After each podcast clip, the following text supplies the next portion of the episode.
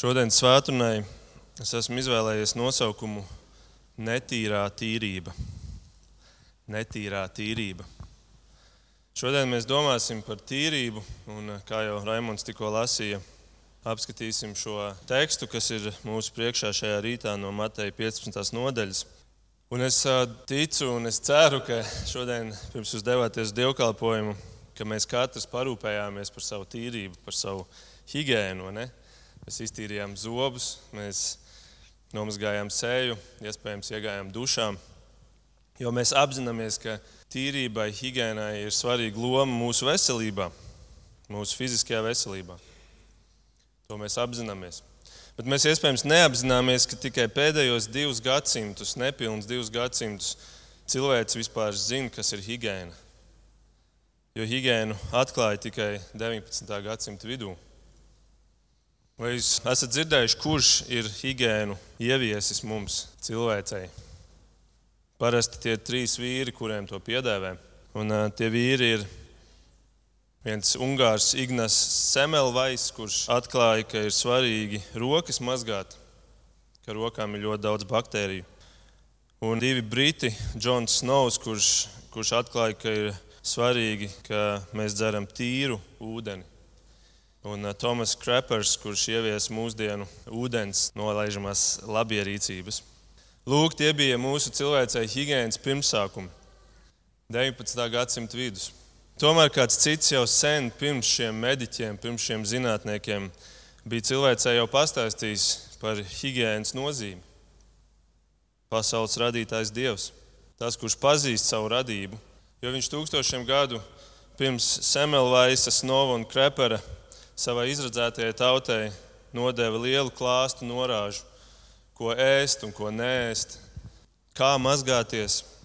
Pat apgaizīšanai bija sava higiēnas nozīme, lai pasargātu sievas no infekcijām. Un tā nu trešā mūzes grāmata ir pilna ar norādēm, kā Izrēlam dzīvot. Un tādēļ Izraēla tauta ļoti atšķirās no visām pārējām tautām, no tautām, kurām nebija informācijas no šī pasaules radītāja dieva. Un tomēr šai ārējai higiēnai, ja mēs tā varam teikt, kur Dievs deva Izrēlam, bija daudz dziļāka nozīme. Un par to mēs šodienas tekstā vēlamies mācīties. Jēzus to māca jūdu garīgiem vadītājiem, bet viņš to māca arī saviem mācekļiem. Un, ja tu sauc sevi par Jēzus mācekli, tad arī šorīt viņš to māca tev. Tā tad netīrā tīrība. Tā kā mums šodien ir liels apjoms pantu, tāpēc um, mēs iesim tā, tā strauji cauri, lai arī visu izrunātu. Un es esmu sadalījis atkal trīs daļās uh, šodienas tekstu.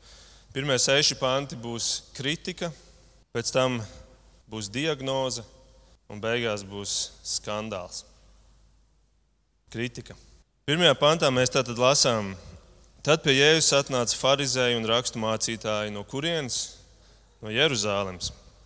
Tātad šodienas saruna Jēzum ir ļoti īpaša.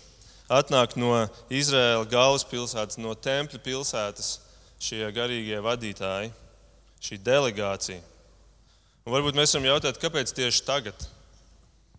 Ja jūs atceraties, iepriekšējā nodaļā Jēzus bija paēdinājis 5000 cilvēku, vīru. Kopā iespējams tur bija ap 20,000 cilvēku. Un šīs ziņas bija noteikti aizsniegušas Jeruzalemi. Gan jau arī citas lietas par to, ka Jēzus dziedināja, bet šī 5000 paēdināšana tā bija kaut kas tāds, ko noteikti zināja visi Izrēlā. Kā nekā arī mūsdienās tieši šo brīnumu uzskata par slavenāko no Jēzus brīnumiem. Un tā nu rakstu mācītāji un farizēji atnāk pie Jēzus un uzdod šo jautājumu. Kādēļ tavu mācekļi pārkāpja veco paražas? Tie nemazgā rokas pirms maizes ēšanas. Tad viņu pārmetums mācekļi neveic to ceremoniālo roku mazgāšanu, kas bija pieņemta pirms tu ņem un ēd maizi.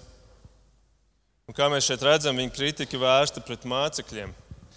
Gan tiem 12 mācekļiem, gan arī tiem 5000 mācekļiem, kur nu jau skaitījās arī Jēzus mācekļi šo jūdu acīs, jo viņi gāja un tur veselu dienu vai pat ilgāk klausījās Jēzus mācību un tad ēda šo Jēzus doto maizi un, un zivis.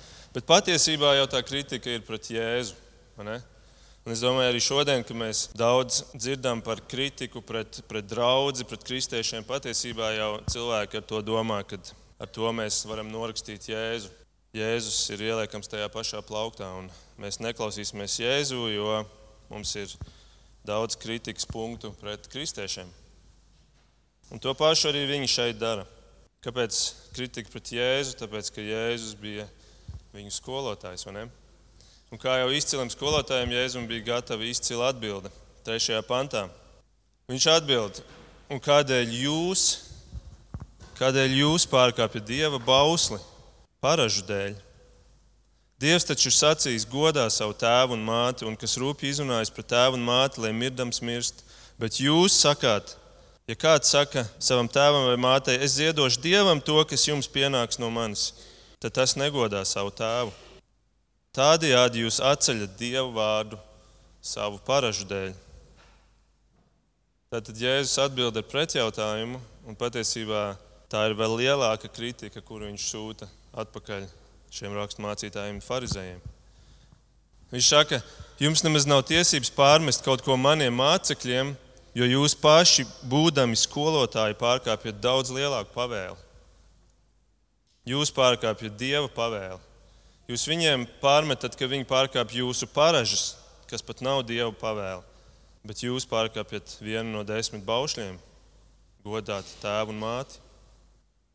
Es domāju, ka te, ja jūs tā varbūt apstājaties pie šīs domas, iespējams, ka te nāk prātā Jēzus vārdi, kur viņš runā par skarbāru acīs un, un baļķi. Ka mēs iespējams diezgan bieži arī savus brāļus un māsas kritizējam par kaut ko, kas vispār nav, nav dieva, dieva pavēle. Tās ir mūsu kaut kādas tradīcijas. Tas, pie kā mēs esam pieraduši, varbūt uzauguši.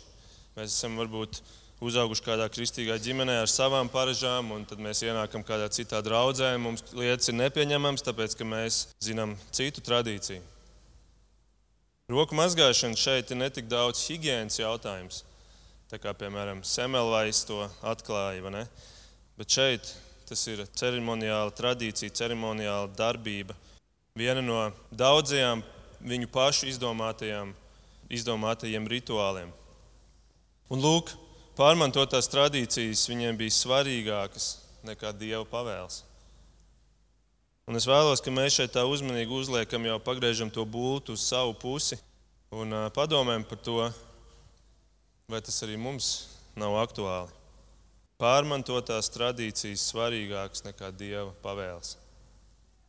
Jēzus piemin tēvu un mātes godāšanu. Viņš pārmet, ka viņi neatbalsta materiāli. Kāpēc neatbalsta? Tāpēc, ka viņi attaisnojās, ka viņi to naudu ir noziedojuši baznīcai, templim.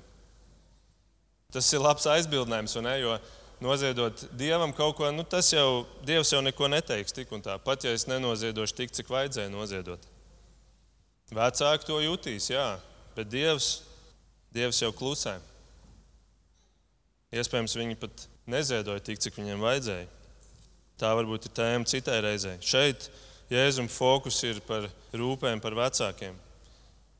Un arī šeit es nevarēju paiet tālāk šai domai, neapstājoties, jo pēdējo divu nedēļu laikā ir, ir nācies dzirdēt par to, kā cilvēki, kuri sauc sevi par kristiešiem, ka viņi ir pilnīgi noslēguši visus kontaktus ar saviem vecākiem, neuztur viņus, nepalīdz viņiem, šo nāstu uzveļ citiem cilvēkiem.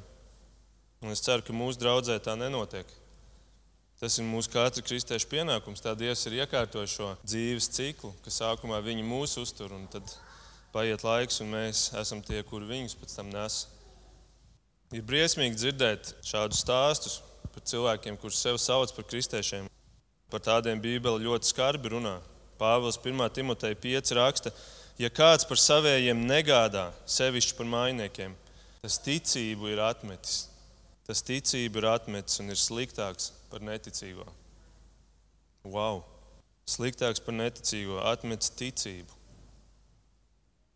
Lūk, ja tu esi gatavs pārbaudīt savu ticību, paskaties uz šo punktu savā dzīvē. Ļoti absolūta robeža, kur Bībele ir ievilkusi, kas ir vai nav ticīgais, kuram ir ticība vai kurš ir ticība atmetis. Un rakstu mācītāji un farizēji bija šajā kategorijā. Un tādēļ Jēzus tik skarbi izsakās Un tā nu seko otrā daļa - diagnoze. Paklausieties Jēzus diagnozes, 7. pants. Liekuļi, Jēzai ir labi par jums pravietojis. Šī tauta godā mani ar ko? Ar mēli, bet viņu sirds, viņu sirds ir tālu no manis. Tie man velti izrāda godbijību, mācīdam mācības, kas ir tikai cilvēku pavēles. Diagnoze - liekuļi. Liekuļi, kur ar mēli gan godā, bet ar sirdi ir tālu prom no dieva. Te jau sāk iezīmēties tas šodienas lūzuma punkts šajā visā sarunā. Jēzus parāda, cik liela plaisa ir starp augstu reliģiskumu un patieso dievbijību. Un šis nav tikai brīdinājums rakstu mācītājiem un farizējiem tajā laikā. Nē, tas ir tikpat aktuāli arī šodien. Ne tikai mums, sludinātājiem, jā, mums ir īpaši, it īpaši, bet katram, kurš sevi sauc Kristus vārdā, kurš sevi sauc par kristieti, par mazo Kristu, kā grieķu valodā šis vārds ir. Augsta mutiska dievu godāšana pret iekšēju sirds deksmi, vai citādāk es pateikšu, netīrā tīrība pret patieso tīrību, āršķirīgā tīrība pret iekšējo tīrību. Rakstu mācītāji un farizēji praktizēja šo, šo netīro tīrību. Ar to viņi mānīja vispirms sevi, bet arī citus, kā Jēzus saka, mācīdami mācības, kas ir cilvēku pavēles. Un šeit 9. pantā Jēzus pasaka vienu ļoti skarbu vārdu. Paskatieties 9. pantu. Tas vārds velti. Viņi velti mani godā. Tu velti mani godā. Tu vēlti sauc mani par kungu, tu vēlti sauc mani. Tā vietā es gribēju tikai vienu no tevis - sirdi. Sirdi. Tavu sirdi. Lūk, tādēļ Jēzus bija tik skarbs pret rakstu mācītājiem un farizējiem. Labi apzināmies, ka drīz vien tas viņu ievedīs kapā. Bet viņam tas bija tā vērts to cilvēku dēļ, kuri akli sekoja šiem garīgiem vadītājiem kur arī skrēja pakaļ visam šīm āršķirīgajām mazgāšanām, un ceremonijām un upurēšanām, un šim darbam un tam darbam. Un, un šodien jau nav labāk. Šodien visas reliģijas to vien dara. Skrien, lai izpatiktu savam dievam, lai nopelnītu labvēlību sava dieva acīs. Un kristieši to negrib dzirdēt, bet arī viņiem ir šis pats risks. Jo sātanam kristietība ir vissvarīgākā. Viņš zina, ka tā ir tā, kurā Dievs, vienīgais Dievs, ir atrodams. Un ja to var samaitāt, ja to kaut kā var samaitāt, ja to var kaut kā noviltot, tad tas ir tas, kurā ir jāiegulda. Un tāpēc šis risks arī attiecās uz mums, mīļie brāļi un māsas. Mēs redzam, pirmajās draudzēs Sātanam izdevās piemānīt kristiešus, samaitāt draugus. Jaunās derības vēstules tik daudz par to runā. Vesels vēstules ir tikai tādēļ vien uzrakstīts, ka cilvēki gribēja atgriezties jūdaismā, cilvēki gribēja atgriezties pie kaut kā āršķirīga, lai, lai izpatiktu dievam, lai nopelnītu kaut kādā veidā, lai apmierinātu savu, savu varbūt tukšumu. Pirmajām draudzēm tas bija risks, un arī šodienas draudzēm. Šodien, jā, kristieši mierina sevi ar āršķirīgiem darbiem. Nevajag jau tikai kaut kādus tur upurēšanas minēt, bet pietiek ar to, ka cilvēks mierina sevi ar to, ka viņi ir reiz kristīti, vai ka viņi regulāri nāk uz dievkalpojumu, vai ka viņi nāk pie vakarēdiena un tas kaut ko izdarīs viņos, ka viņi tiks varbūt dziedināti, vai ka tas būs tas, kas viņus saglabās pie viņu ticības, saglabās viņu attiecības ar Dievu. Vai tas, ka viņi regulāri lasa Bībeli, vai viņi maksā varbūt desmito tiesu, vai pat kalpo kādās kalpošanās draudzē. Bet tas viss ir strūns. Tas viss ir strūns, ja sirds nav tajā. Tad tas viss ir velti. Tas viss ir velti. Jo, ja tas nenāk no sirds, tad kas tas ir? Tas ir upurs. Un Bībelē daudz runā par to, ka Dievam nav vajadzīgi upuri. Viņam interesē cilvēka sirds. Tādēļ Lūk, Jēzus ir tik skarbs pret šiem, kuri mācīja cilvēku izdomātus upurus. Jūs liekuļi. Tiem, kuriem jums ir Bībele rokās, aizķeriet lūdzu uz Lūkas 11. Lūkas 11 un uh, no 37. pānta es vēlos, ka mēs apskatām vienu notikumu. Lūkas 11, 37 un uz priekšu lasīsim. Tas ir notikums, kur Jēzus tiek uzaicināts pie farizēja. Pie farizēja uz maltīti. Tur rakstīts tā. Kad Jēzus beidz runāt, kāds farizējs uzaicināja viņu pie sevis uz maltīti. Un iegājis, viņš apsēdās pie galda. Pharizējs brīnījās, redzēdams, ka Jēzus pirms azaida nemazgājas. Hm. Un Jēzus tam sacīja: Tagad jūs, farizēji, šķīstiet kausa un bļodas ārpusi, bet jūsu iekšpuse ir pilna alkatības un ļaunuma. Jūs nejēgas. Vai tas, kas radījis ārpusi, nav radījis arī iekšpusi? Labāk izdaliet to, kas ir iekšpusē žēlastības dāvanās, un redzi, viss jūsos būs šķīsts. Vai jums, farizēji, Jūs atdodat desmito daļu no mētrām un rūtām un visādiem dārzeņiem, bet neievērojat dieva tiesu un mīlestību. Tas jums bija darāms, bet nevajadzēja atstāt novārtā arī šo. Vai jums, farizēji, jums patīk pirmās vietās sinagogās un tikt sveicinātiem uz ielām? Vai jums, jūs esat kā apslēpti kapi? Ļaudis staigā jums pāri un to nezina. Tad kāds likuma zinātājs vērsās pie viņa un teica: Vecajā tulkojumā pat rakstīts, ir viņš pārtrauc jēzu. Viņš saka, skolotāji, skolotāji, bet tā runādams tu aizvaino arī mūs. Bet Jēzus teica, vai jums, likuma zinātāji, arī jums, jūs uzkraujat cilvēkiem nepanesamas nastas, bet paši tai nastai nepiedurat ne pirksta? Vai jums, jūs praviešiem ceļat pieminekļus, bet jūsu tēvi tos nonāvēja? Un tā nu mēs varam aiziet līdz 52. pantam. Un vai jums, likuma zinātāji, Jūs esat piesavinājušies atziņas atslēgas. Paši jūs neesat iegājuši, un tos, kas grib ieiet, jūs kavējat. Lūk, diez vai šis farizējs vēlreiz aicināja Jēzu ciemos pie sevis. Mēs varam jautāt, kāpēc tik skarbi Jēzu? Kāpēc tik skarbi? Jēzu, kur ir tava pieklājība? Kāpēc tik skarbi? Tādēļ, ka šis ir lielākais apmāns, kura dēļ daudzi vienā dienā teiks Jēzum, kungs, kungs, Bet es taču darīju daudzas labas lietas tavā vārdā. Un Jēzus atbild būs, es nekad tevi neesmu pazinis. Tu neesi viens no manējiem. Jā, tu daudz darīji, bet tas viss bija velti. Es to neprasīju no tevis. Es gribēju no tevis tavu sirdi, tavu sirdi, kura tad darītu mana debesu tēva gribu. Nevis visu to, ko cilvēki ir izdomājuši kā ceremonijas dievam. Es gribēju šķīstu sirdi, es gribēju attiecības. Bet tu nenāc ar šķīstu sirdi vien ar saviem darbiem. Un Jēzus beigās saka, ej nos no manis. Kalns vētrunas kulminācijā. Ej nos no manis. Un tādēļ šodienas tekstā, desmitajā pantā, Jēzus dod šo, šo galveno mācību. Desmitais pants atpakaļ mūsu Matei 15. Un pieaicinājis ļaudis, ja es tiem sacīju. Tad viņš vairs ne tikai runā ar šiem rakstu mācītājiem, farizējiem, bet viņš tagad pagriežās pret tautu, varētu tā teikt. Un viņš saka, klausieties un saprotiet. Viņš nesaka bieži šādi. Acīm redzot, šis ir kaut kas ļoti svarīgs. Nevis tikai klausieties, bet saprotiet. Tagad būs kaut kas jauns.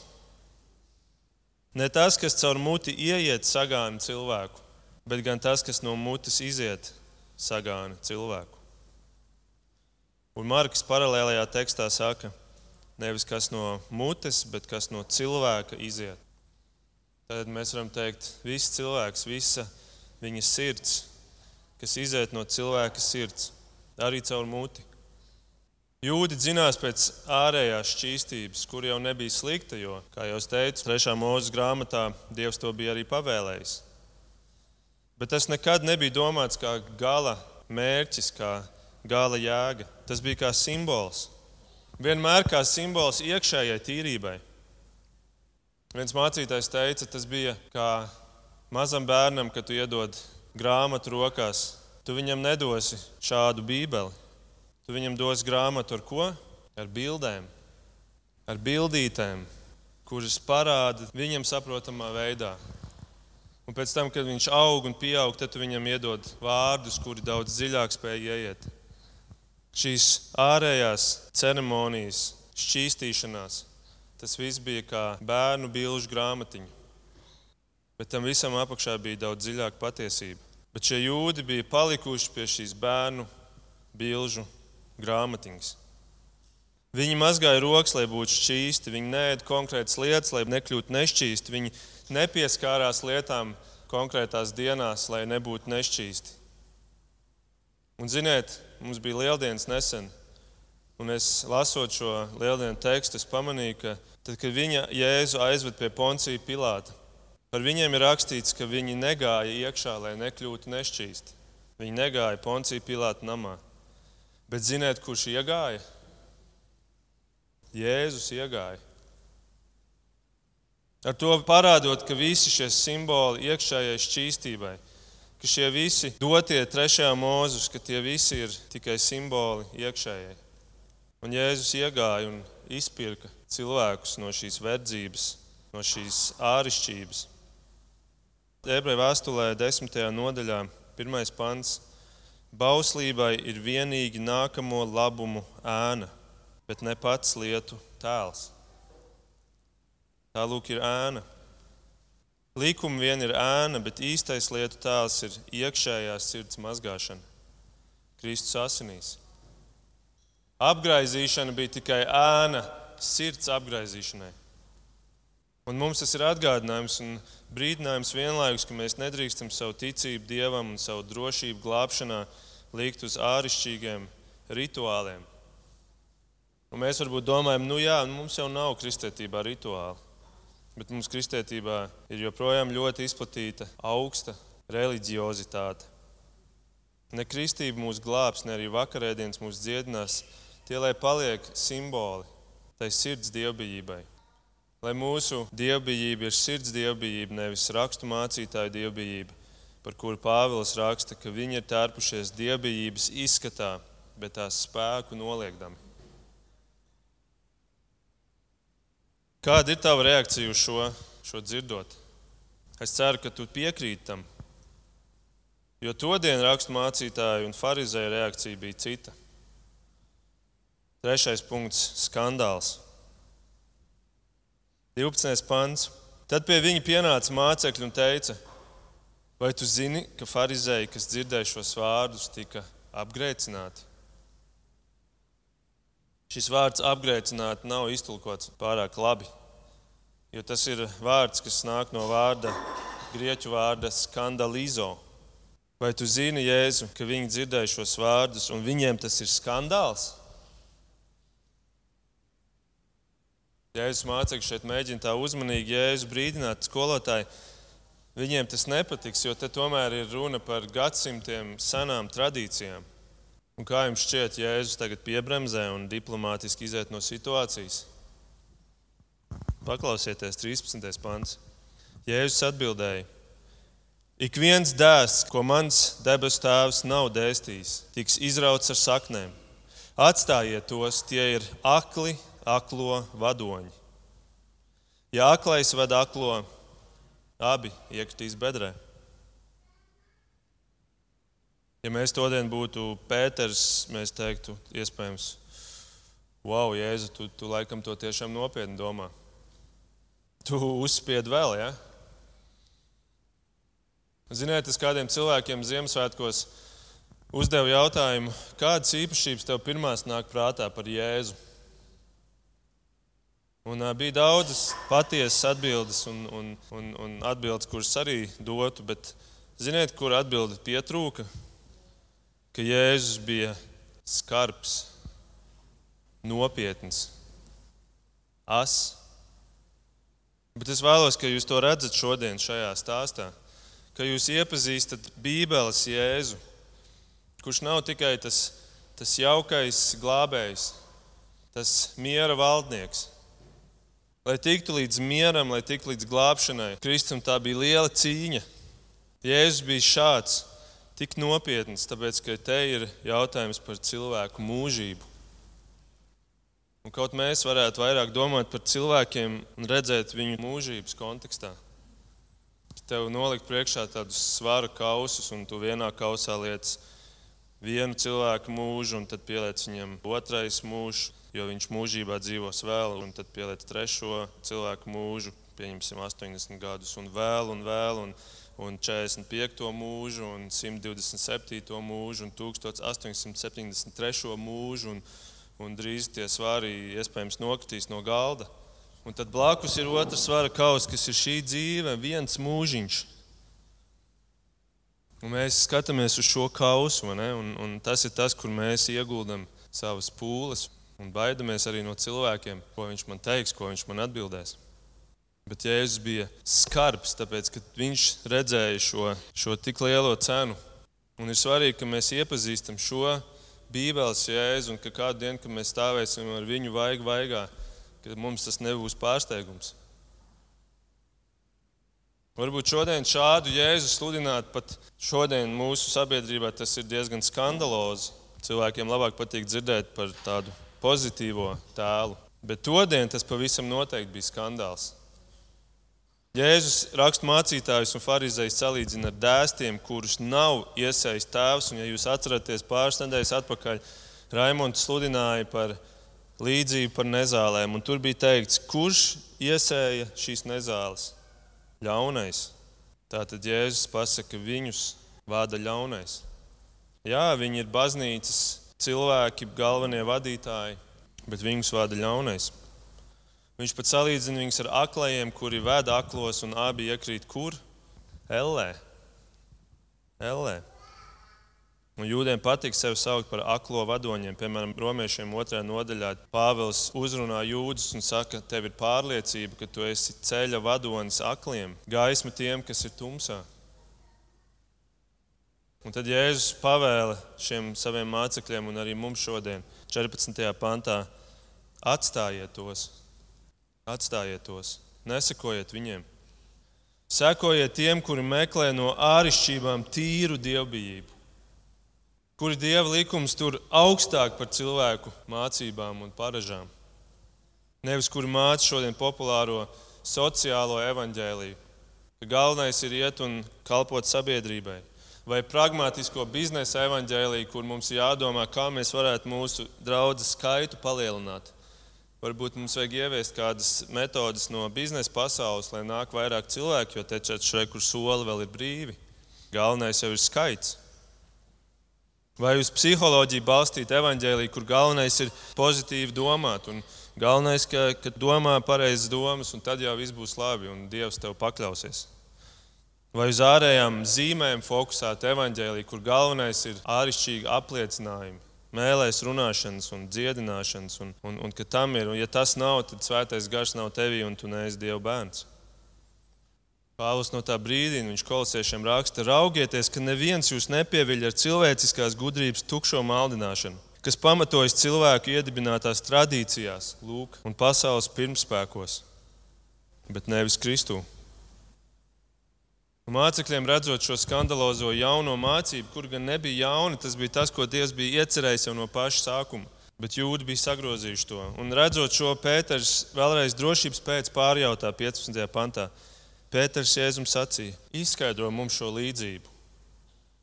Izskaidro mums šo līdzību. Bet Jēzus jautāja, vai arī jūs vēl nesaprotat? Ilmārs Irš teiktu, mīļie cālīši. Vai arī jūs vēl nesaprotat, vai arī jūs neapjēdzat, ka viss, kas mutē ieiet, noiet vēdā un tiek izmests bedrē, bet kas no mutes iziet, tas nāk no sirds. Un tas sagāna cilvēku. Un tad Jēzus paskaidro, kas tieši iznāk no sirds, 19. pants. No sirds iziet ļauni nodomi un slepkavība, laulības pārkāpšana un izvērtība, kas parasti nozīmē seksuālas attiecības pirms laulības, zakšana, apmelošana, zaimi. Tas sagāna cilvēku, bet maize ēst ar nemazgātām rokām. Tas cilvēku nesagāna. Atgādina kalnu svētkrunu, kur Jēzus pretstatīja šo slepkavību ar, ar dusmām sirdī, ka tas ir sākums slepkavībai, vai laulības pārkāpšana ar iekārošanu sirdī. Tas beig beigās viss ir par sirdi, bet ēšana ar tīrām, netīrām rokām atvainojiet, bet nē, tam nekāda sakara nav ar apgānīšanu. Jūs gadsimtiem ilgi nesat sapratuši galveno domu, kur Dievs ir jums devis. Un šeit Jēzus pirmo reizi atklāja šo dieva nodomu, kuru vēlāk Pēters daudz skaidrāk sapratīs, kad viņš apstuļu darbos redzēs pārlāgu nolaižamies no, no gaisa, un tur būs iekšā šķīsti un nešķīsti dzīvnieki. Un, un viņš saņems pavēli, Pēteri, kauj un ēd. Visu ēd. Viss ir tīrs. Košera laiki ir beigušies. Bet Jēzus galvenā doma šodienas sarunā - rūpējies par iekšējo tīrību, rūpējies par garīgo higiēnu, rūpējies par sirds tīrību. Jo, ja iekšpuse būs tīra, tad arī ārpuse kļūs tīra. Bet, ja tu rūpēsies tikai par ārējo, tad iekšpuse paliks netīra. Un ar netīru tīrību tu Dievu neredzēsi. Jo laimīgi ir sirds šķīstie, viņi Dievu redzēs. Un noslēdzot, es vēlos nolasīt īsu aprakstu par sākumā minēto doktoru Semelvaisu, kurš bija tas, kurš ieviesa roku mazgāšanu kā higiēnas principu. To raksta slavenās Berkeley Universitātes lektore dr. Ingrīda Kū. 1847. gadā Ungārijā dzimušais ārsts Ignas Semelvejs veica pārsteidzošus novērojumus, kas aizveda pie rokas mazgāšanas prakses ieviešanas slimnīcās. Strādājot kādā dzemdniecības klīnikā Vīnē, doktoru Semelveisu satrauca fakts, ka nāvējošs drudzis daudz biežāk skāra tās sievietes, kuras tika apkoptas no medicīnas studentiem, salīdzinot ar tām sievietēm, kuras aprūpēja vecmātes. Pateicoties rūpīgai klīniskās prakses pārbaudē, viņš atklāja, ka medicīnas studenti, kuri palīdzēja dzemdībās, bieži to darīja pēc tam, kad viņi bija veikuši autopsiju pacientiem, kuri bija miruši no sepses. Pēc stingras rokas mazgāšanas politikas ar chlorētu antiseptisku šķīdumu uzsākšanas trīs mēnešu laikā mirstība samazinājās par 10 līdz 20 reizēm, pierādot, ka šo vienkāršo higiēnas praksi slimības pārnešanu varētu ievērojami samazināt. Tomēr, tomēr viņš nespēja pārliecināt savus kolēģus par šīs atklāsmes nozīmi. Viņi uzskatīja, ka viņš ir kļuvis traks. Un tā nu doktors Semelvejs nomira pats ar sepsi, kuru ieguva turpat slimnīcā, līdzīgi kā tās daudzas sievietes, kuras viņš centās pasargāt. Nepieļausim šo pašu kļūdu ar mūsu Kristu, kurš nāca pārliecināt mūs, ka mums vajag meklēt to vienīgo, kas glābs mūs un ļaus redzēt Dievu. Un tā ir šķīsta sirds. Lūksim Dievu. Debes Tēvs, paldies par Tavu vārdu. Paldies, Kungs, ka mēs varam ieskatīties pagātnē, redzēt šo notikumu, bet tas ir notikums, kurš ir visiem laikiem caurējošs. Tas ir tikpat aktuāls šodien un būs aktuāls rīt. Un Paldies, Kungs, ka Tava patiesība ir tik spēcīga. Un paldies, Jēzus, ka Tu biji tik skarbs, tad, kad tas bija vajadzīgs.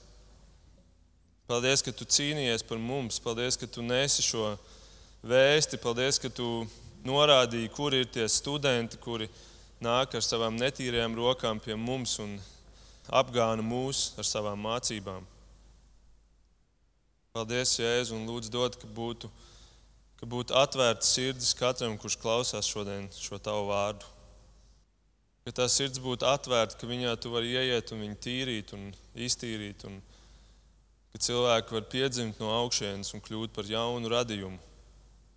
Ar jaunu sirdi, ar jaunu sirdi, kur tiecās pēc jaunām lietām, pēc, pēc svētuma. Sirdīm, kuras vairs nevar samierināties ar grēku, kuras mūk prom no grēka. Ka mēs varētu, kungs, pievienoties tam psalmistam, kurš saka, radi manī, ak, Dievs, šķīstu sirdi un atjauno manī pastāvīgu garu. Kungs, lūdzu, nāc un iejaucies tu mūsu dzīvēm. Un padari mūs par tādiem kalpiem, kuri redz jaunu mērķi savai dzīvei, ka mēs redzam, ka mēs esam misijā un ka tu esi sagatavojis mums daudz lielākus plānus, plānus, kuri, kuri iet pāri nāves slieksnim un iejaucās citu cilvēku mūžībās. Ka mēs varētu redzēt cilvēkus kā mūžīgas būtnes un, un investēt cilvēkos. To es lūdzu par mūsu draugu, un es lūdzu par katru, kurš šodien ir šeit un kurš arī klausās šos, šos vārdus. lai tev ir gods un slava un pateicība. Un to mēs lūdzam mūsu kunga Jēzus vārdā. Āmen! Paldies Dievam par viņu vārdu un uh, par uh, labu, labu mācību. Paldies, Markus, uh, par tavu darbu un iedziļināšanos tajā. Un, jā, un man liekas, šodienas panti skaidri parāda to, ko mēs spējam izdarīt savā spēkā un ko spēja izdarīt tikai Jēzus. Un tāpēc mēs šeit sludinam Jēzu Kristu krustā sisto. Mēs sludinam un sakam, Viņš ir tava vienīgā cerība. Viņš ir vienīgais, kurš spēj tavu sirdi darīt patiesu šķīstu. Nevis mēs, bet viņš, viņš to spēj darīt.